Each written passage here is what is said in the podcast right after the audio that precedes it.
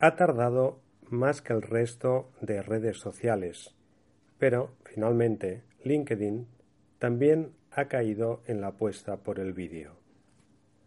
La empresa californiana, que hasta el momento había sido reticente a permitir los vídeos en los perfiles de sus usuarios, ha anunciado en su blog que dejará a sus 500 usuarios más influyentes crear y publicar clips de 30 segundos.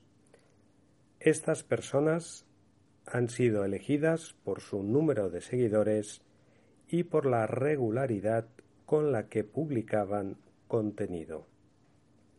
Aunque en el comunicado oficial LinkedIn no ha especificado si se trata de una prueba que luego pueda extenderse al resto de sus 433 millones de usuarios, el jefe de productor Jasper Sherman ha señalado que es probable que así sea.